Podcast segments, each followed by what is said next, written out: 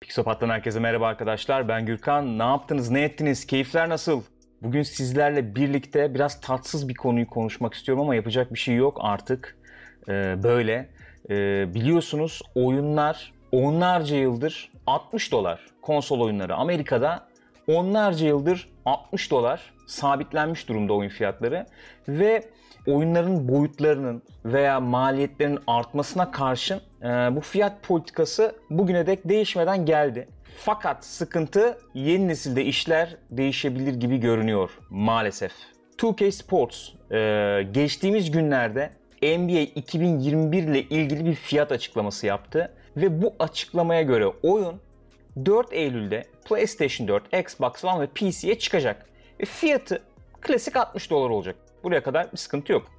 Fakat daha sonra PlayStation 5 ve Xbox Series X için yani yeni nesil konsollar için yeni bir versiyonu yayınlanacak bu oyunun. Ve bu versiyon yeni nesil konsolların çıkış oyunu olacak. Okey buraya kadar da bir sıkıntı yok. Fakat haber değeri taşıyan mevzu burada devreye giriyor. Şimdiki nesil versiyonu alanlar bu yeni nesil versiyona bedava upgrade yapamayacaklar. Yani bu Xbox'ın Smart Delivery dediği bir olay vardı ya. Hani oyunu eski nesilde veya şimdiki nesilde alıp yeni nesilde bedava oynama diye bir sistem vardı hatırlarsanız. Ki Cyberpunk 2077 veya işte Assassin's Creed Valhalla bunu destekleyecek veya Avengers da bunu destekleyeceğini açıkladı. NBA 2021 temel sürümde bu destek olmayacak arkadaşlar ve daha da kötüsü geldik bombayı patlatıyorum. Oyunun yeni nesil versiyonu 70 dolar olacak. Gül olsa şimdi 69.99 derdi. Hayır 70 dolar Gülcüm. Şimdi gelelim haberin iyi tarafına. Ne kadar iyi bilmiyorum tartışılır ama 2K Sports bizi düşünmüş. Yine de düşünceli davranmışlar ve şöyle bir seçenek sunmuşlar. Demişler ki oyunun 100 dolarlık bir versiyonu var. Mamba Forever Edition diye. Kobe Bryant'ı böyle bir anma e, efendim edisyonu gibi bir şey bu. Ve bu 100 dolarlık versiyonu şimdiki nesilde alırsan oyun içi tabi bazı ek şeyler falan geliyor. Onun yanında yeni nesile upgrade imkanına da sahip oluyorsun. Yani sen 60 dolarlık versiyonu alırsan yeni nesile upgrade edemiyorsun. Yeni nesile upgrade etmek istersen 100 dolarlık versiyonu verelim biz sana diyor 2K Sports. Sen istiyor yeni nesil upgrade verecek 100 dolar. Bu.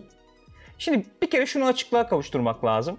Bu Xbox'ın Smart Delivery dediği veya PlayStation'ın ne dediğini bilmediğimiz işte o yeni nesile upgrade, yeni nesile yükseltme olayı zorunlu değil. Yani bu efendim konsol geliştiricileri, işte Sony, Microsoft her firmaya gidip de sen bunu kesinlikle destekleyeceksin diyemiyor. Böyle bir zorunluluk yok. İş tümüyle yayıncıların inisiyatifine bırakılmış durumda. E, bu açıdan bakıldığında NBA 2021 bu upgrade yükseltme mevzusunda kendi yolundan giden tek oyun değil. Örneğin EA'in Madden NFL 21 oyununu yükseltmek istiyorsunuz yeni nesile. E, oyunu 31 Aralık'tan önce almanız gerekiyor ve bu yükseltme işleminde 31 Mart'a kadar yapmanız gerekiyor gibi bir durum var.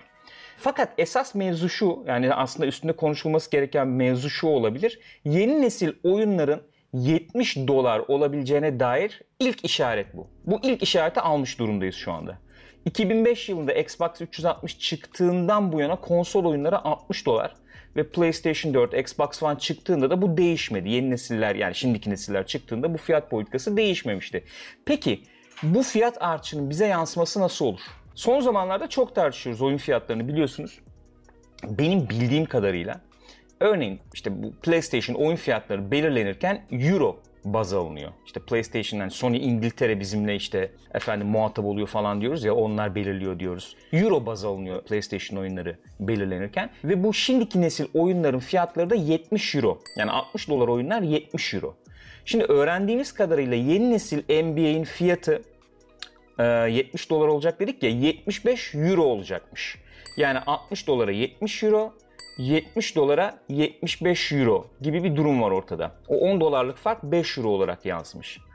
Şimdi Ghost of Tsushima ön sipariş fiyatı şu anda 429 lira ki oyun çıktıktan sonra bu fiyatın artmasını bekleyebiliriz. Last of Us'ta böyle oldu çünkü Last of Us şu anda 500 lira. Onun da ön sipariş fiyatı 430 liraydı. Döviz kurlarında hiçbir oynama olmayacağını düşünsek dahi bu 5 euroluk farkın rahatlıkla fiyatlara 40 lira gibi bir yansıması olacağını öngörebiliriz.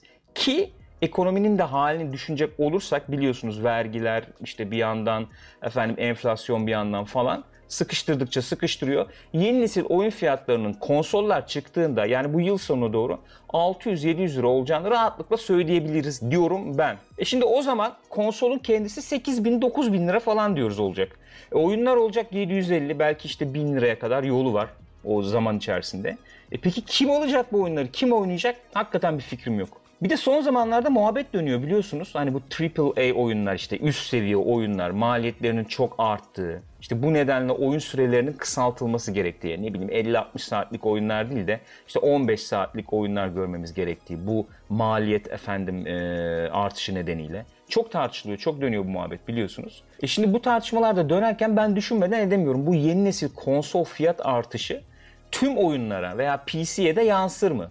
Yani 2-3 yıl içinde gelecek misal yeni bir Assassin's Creed oyunu her platformda 70 dolar, 75 euroya fixlenir mi? Ben bunu düşünüyorum. Hani PC cephesinde elbette biraz daha rahatız işte Steam var falan falan. Epic işte indirimler yapıyor bilmem ne. Yerel fiyatlandırma politikaları var. Biraz rahatlatıyor tamam ama yine de artış artış olacaktır sonuçta. Bize bir yansıması olur gibi geliyor bana.